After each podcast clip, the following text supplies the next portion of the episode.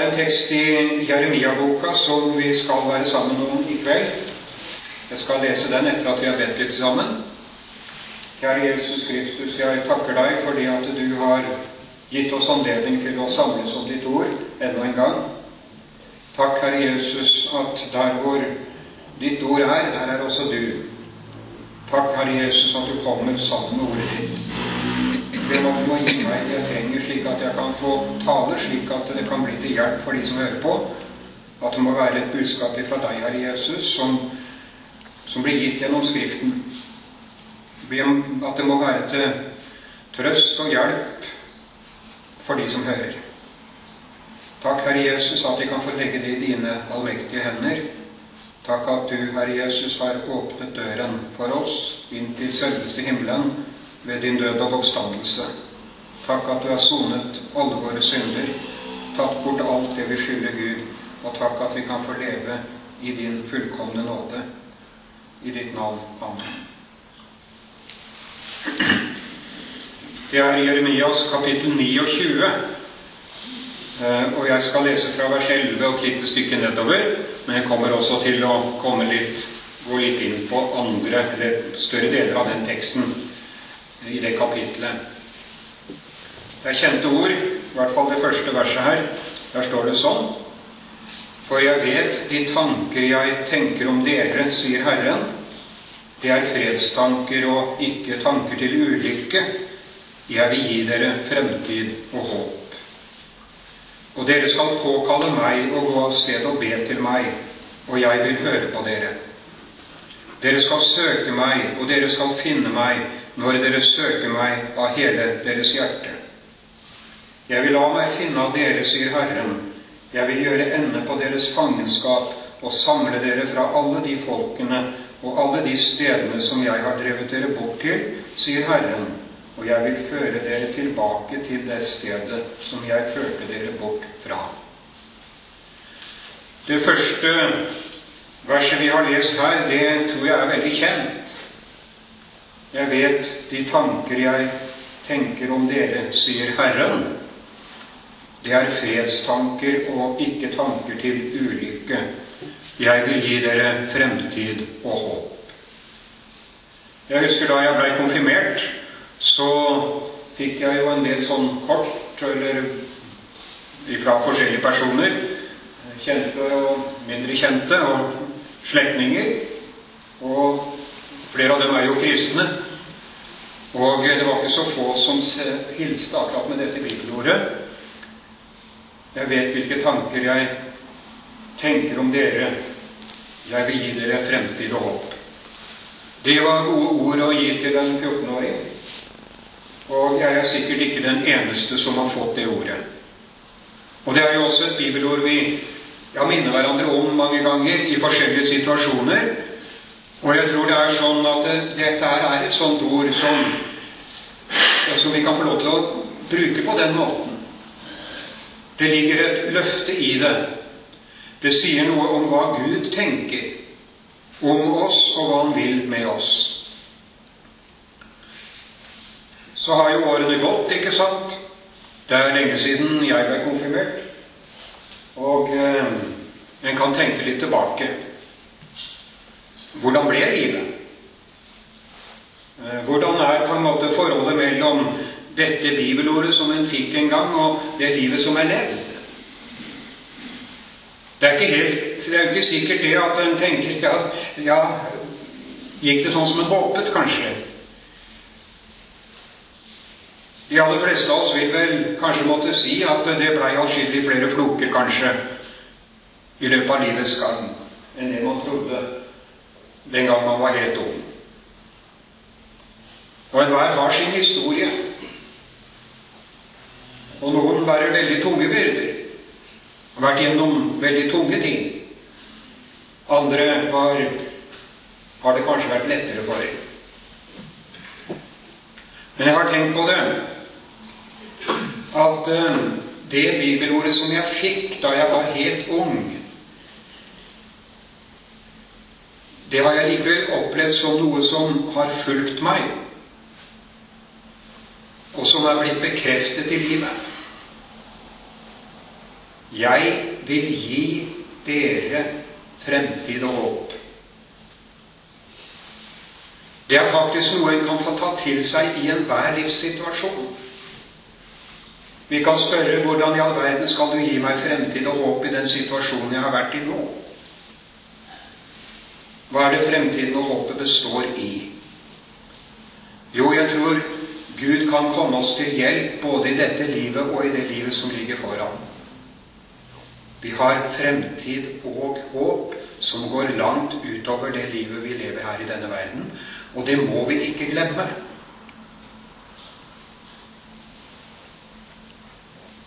Det er faktisk noe vi må ta til oss. Det er en forsikring som Gud selv har gitt oss. Og vi kan få lov til å ta det til oss også når det er som mørkest, kanskje. Ja, kanskje vi ikke klarer å ta det til oss da. Likevel så ligger videre det løftet over oss. Gud har sagt det.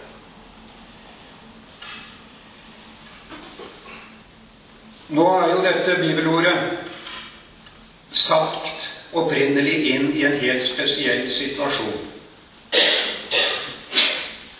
Og eh, dersom vi ser litt nærmere på hva slags situasjon det ble talt inn i den gangen det ble sagt første gang, så ser vi faktisk at det var en veldig mørk og vanskelig situasjon.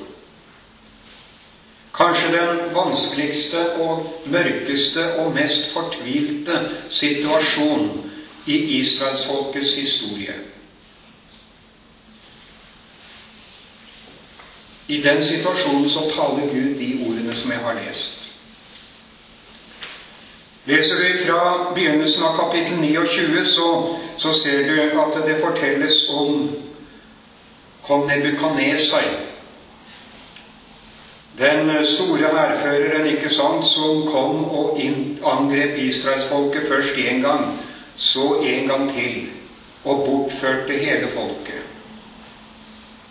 Han rev tempelet ned.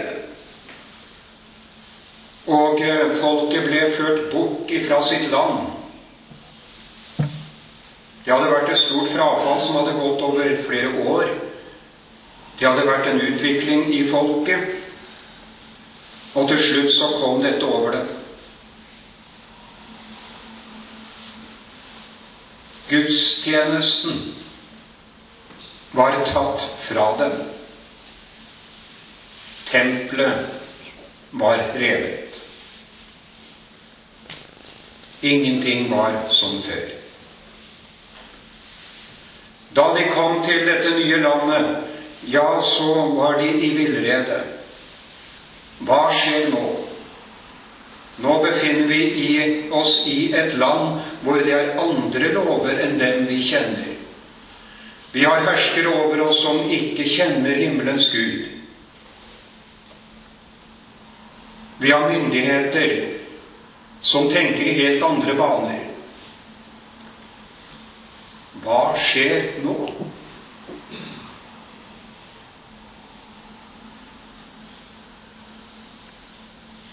Leser vi litt lenger nedover fra begynnelsen av dette kapitlet, så ser vi det at ja, folket var i villrede, og så, så står det Det sto frem profeter som sa til dem dette fangenskapet og den situasjonen dere har kommet inn i nå, den skal være kortvarig. Snart blir dere sendt tilbake til Israel. Det ga håp til mange. Men så står det at profeten Jeremias, da, som er opphav til dette, er han som, som Gud brukte som sin profet, han sender et brev til folket og så advarer han imot de falske profetene. De som sa at trengselen og vanskelighetene bare ville vare en kort tid. Og så skriver han det skal gå 70 år i fangenskap. Og så vil Gud føre dere tilbake. Og det var det som var sannheten.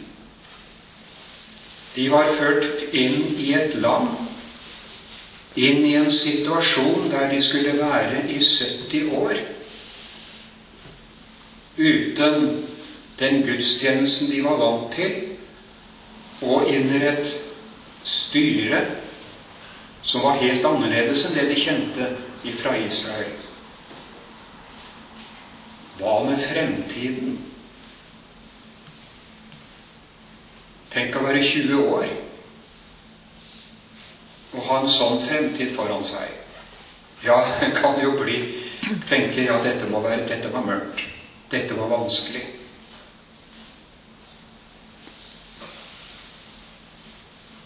Og så taler Gud inn i den situasjonen. Jeg vet de tanker jeg tenker om dere, sier Herren det er fredstanker og ikke tanker til ulykke.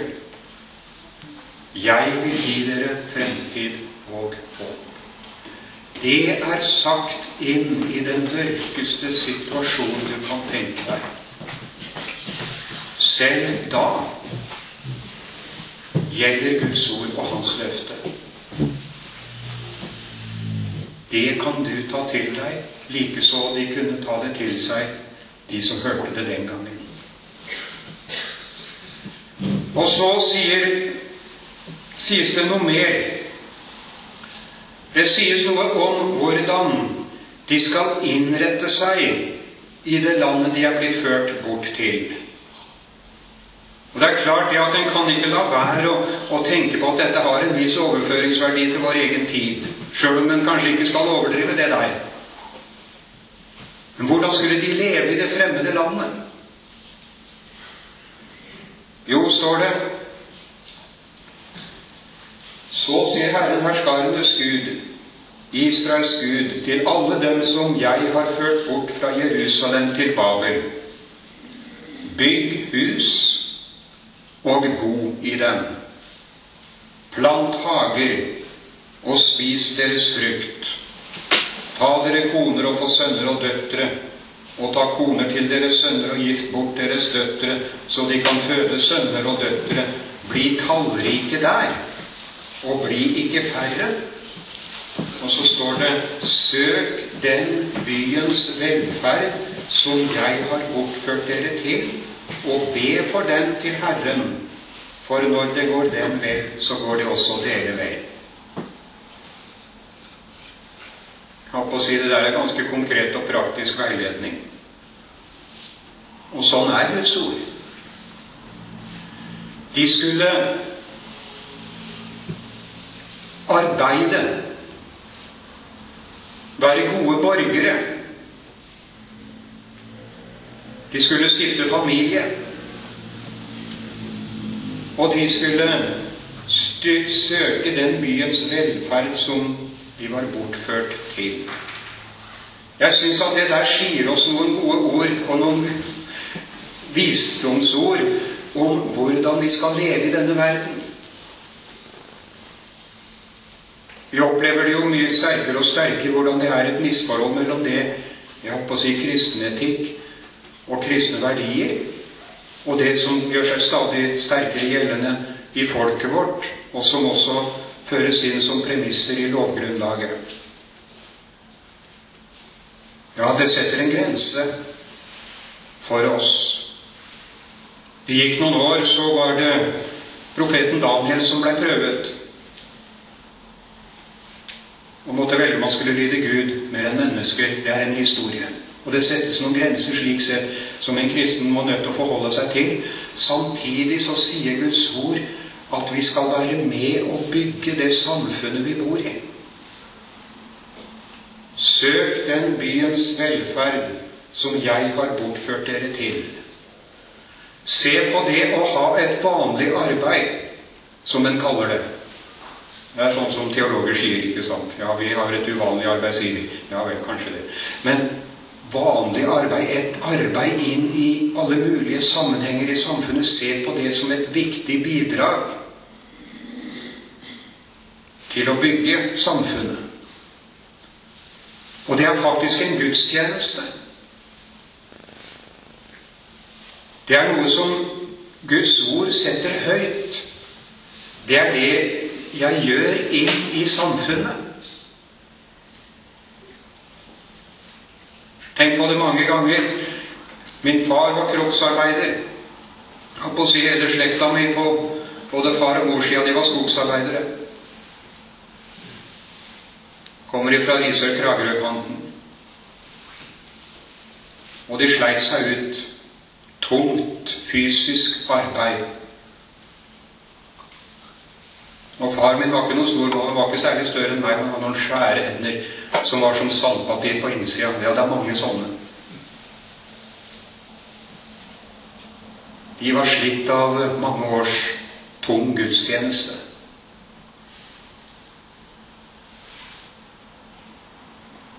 Fysisk arbeid, det kan være krevende og tungt. Men det var bidrag til å holde en familie i live. Det ga grunnlag for å bygge en familie. En kjerne i samfunnet. Det er det som Guds ord sier til israelsfolket når de er borte i fangenskapet. Søk byens velferd. Når det går den vel, så går det også dere vel. Det aspektet ved det å være en kristen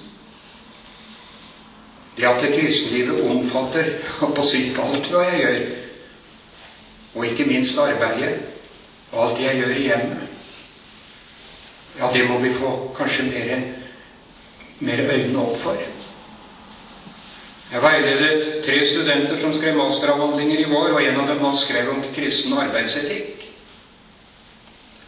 Det blir sagt for lite om det, sa Om hva det vil si å være kristen utenfor menigheten eller den kristne forsamling.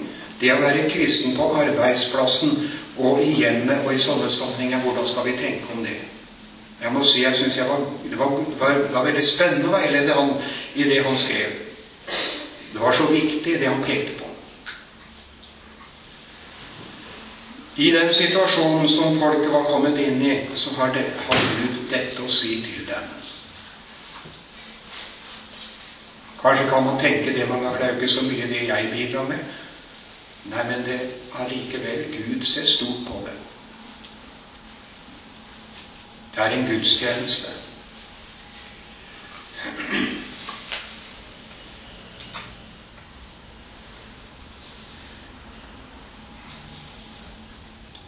Så er det dette som som jeg leste helt innledningsvis som har med forholdet til Gud å gjøre.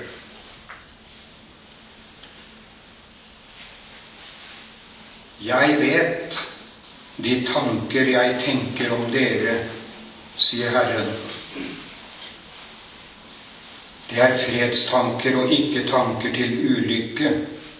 Jeg vil gi dere fremtid og håp. Kanskje vi kan si at det er den andre siden av det budskapet som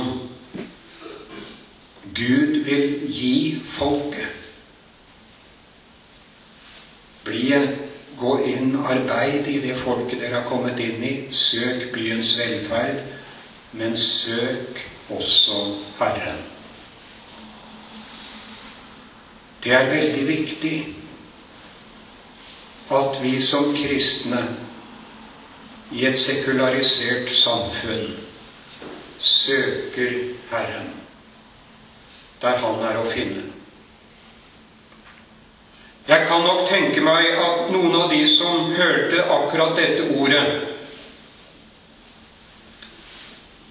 de stilte seg sjøl spørsmålet ja, hvordan kan jeg ha et forhold til Gud her når alt er så mye som er blitt ødelagt? Når gudstjenesten i tempelet er borte, og når det har på en måte kommet hit hvor vi er nå Ja, hvordan kan jeg søke Gud? Hvordan kan jeg ha med Gud å gjøre? Det spørsmålet det trenger seg nok på både, både ja, når du kanskje er midt i arbeidssituasjonen, ikke sant? Du, kanskje sammen med noen som Ja, det er så få som tror. Jeg husker datteren min sa det. Hun gikk det første året på høyskolen og tok et studium der i Oslo. Det var 200 i klassen. Jeg tror ikke det var mer enn meg som var kristen, sa han. Etter en stund så oppdaga jeg at det var en til. Ja,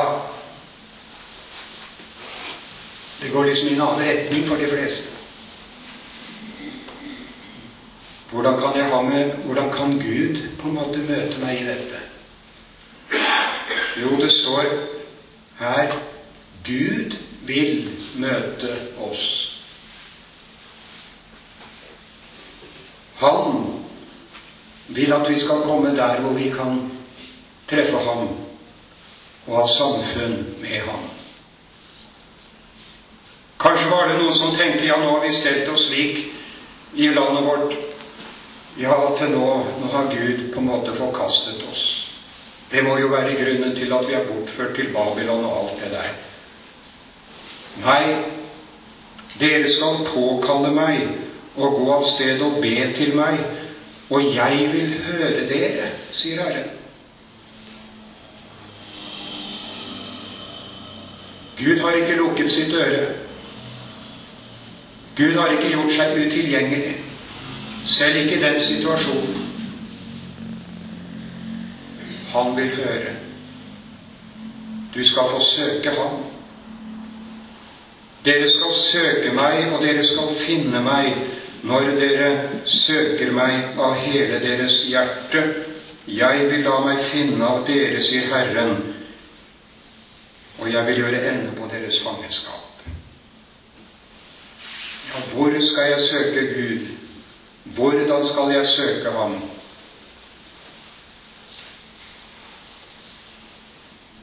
Ja, det kan skje på mange måter.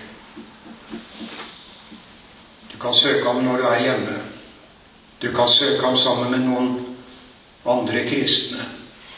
Du kan gå til et sted der de har møter osv. Det er møtesteder. Jeg vil la meg finne av dere, sier Herren. Vi trenger det i en frafallstid. Å møte Gud selv. Og han har ikke forandret seg. Jeg vil la meg finne av dere. Nå står det noe i Bibelen om nettopp det å søke Gud. Det står om det i Romerbrevet kapittel 10. Skal oss se om jeg finner det her. Står det sånn i vers 6 og 7. Si ikke i ditt hjerte, eller hvem skal fare opp til himmelen, vil si for å hente Kristus ned? Eller hvem skal fare ned i avgrunnen, vil si for å hente Kristus opp fra de døde? Men hva sier troen? Ordet er deg nær, i din munn og i ditt hjerte. Det er troens ord, det som vi forkynner. Dypest sett så er det bare et sted der jeg møter Gud, egentlig slik at han kan få sagt det til meg som han vil si. Og det er i Skriftens ord. Han innbyr meg til å ta meg tid til å møte ham i Skriften. Søk meg der hvor jeg er å finne. Det er så mye snakk om å lære seg metoder for å på en måte få kontakt med Gud. Og man forventer at Gud skal snakke til oss liksom midt gjennom løse lufta. Og noen syns de opplever mye av det. Men det er i grunnen ikke det som er møtestedet. Om vi er skrudd sammen på den ene eller den andre måten som mennesker, ja, så, så har Gud sagt Han møter oss i Ordet. Det skal jeg få lov å ta til meg. Det skal vi få lov til å dele med hverandre. Og så står det at han vil gi fremtid og håp, og at han vil gi meg fred. Fred med Gud. Hva er det? Går vi til Romerbrevet kapittel 5, så leser vi fra vers 1. Da vi nå er rettferdiggjort av tro, har vi fred med Gud ved vår Herre Jesus Kristus. Og ved ham har vi også ved troen fått adgang til denne nåden som vi står i, og vi roser oss av håp om Guds herlighet. Fred med Gud. Det var en som skrev en gang at det å ha fred med Gud, det er ikke primært en følelse. Det kan være knyttet følelser til det, men det er ikke den følelsen av fred som er selve freden. Fred med Gud, det er en tilstand. Det er å være i et forhold til Gud der det ikke lenger er noe jeg skylder ham. Det er det jo så mange som sliter med. Jeg føler at jeg skylder Gud noe. Jeg føler at jeg skylder Gud en full overgivelse. Jeg føler at jeg skylder Gud å oppføre meg annerledes enn jeg gjør. Jeg føler at jeg alltid kommer på minussiden. Og så blir man så anklaget.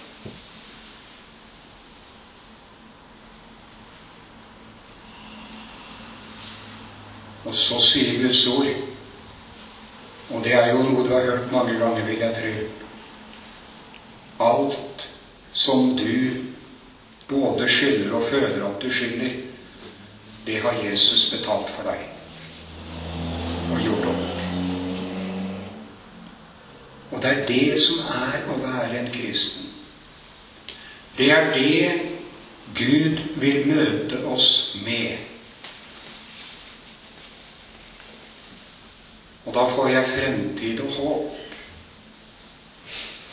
Noe som gjelder i enhver livssituasjon, og som på å si hva som ellers skjer i verden, og som jeg opplever i min livshistorie, så kan ikke det bli ødelagt eller tatt fra meg. Fred med Gud fordi Jesus har gjort eller har betalt det jeg skylder ham, og som jeg skylder Gud. Han er en soning for våre synder, står det. Ja, ikke bare for våre, men for hele verden. Jeg fikk kontakt med et menneske for ikke så lenge siden som eh, fortalte meg at vedkommende hadde vært veldig aktiv og vært med på veldig mye som kristen. Også vært med på ja, krevende ting. Og eh, også hatt en del opplevelser, tydeligvis. Hun sa til meg det at eh, jeg visste ikke hva rettferdiggjørelsen var, sa hun. Har aldri hørt noen fortelle meg at det Jesus gjorde på korset, at det betydde at han tok bort alt det jeg skylder. Ordene ble ikke brukt akkurat på den måten, men det er som lå i det. Jeg har aldri hørt at det er ferdig betalt.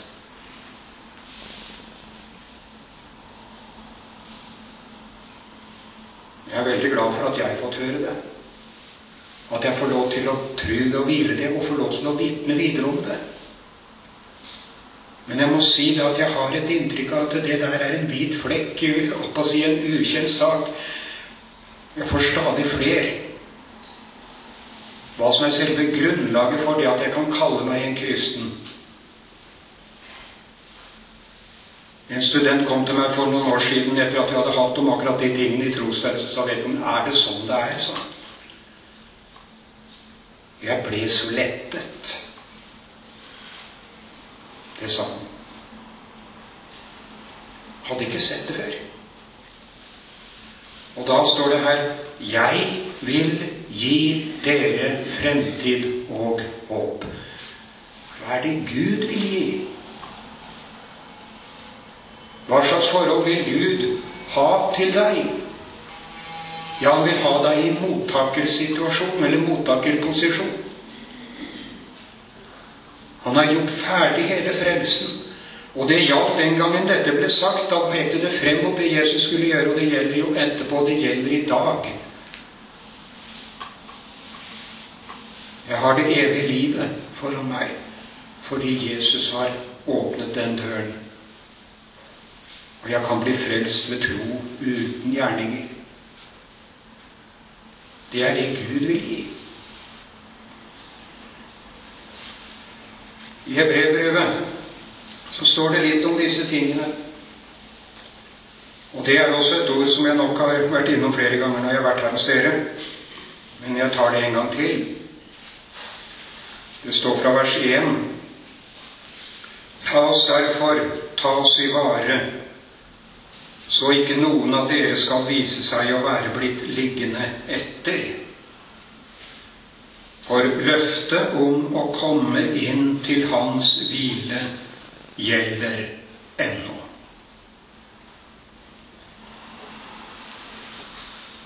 Liggende etter. Left behind, står det enda tydeligere i en engelsk oversettelse. Og så bli liggende igjen når Jesus kommer. Pass dere så ikke dere kommer i den situasjonen. At du på en måte kommer ut av dette forholdet til Jesus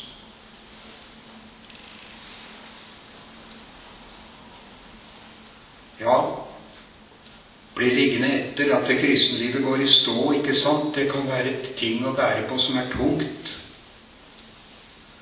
Og så spør man ja, hvordan kan jeg, hvordan kan jeg få det greit igjen med Gud? Og så begynner man å se på seg sjøl. Ja, nå må jeg ta meg sammen. Nå må jeg prøve å, å liksom få tilbake den kristne gudsen, eller hva man nå kaller det. Og så ser man ikke det som står i teksten her. Det, ikke, det som du kanskje har glemt. Det står her Pass dere så ikke dere blir liggende etter. Og så kommer det en setning Løftet om å komme inn til Hans hvile gjelder ennå løftet som er gitt om frelse på grunn av Jesus, det gjelder ennå.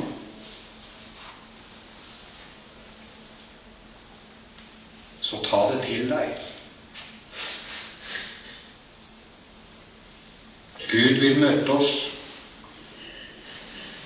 Han vil gi oss fremtid og håp.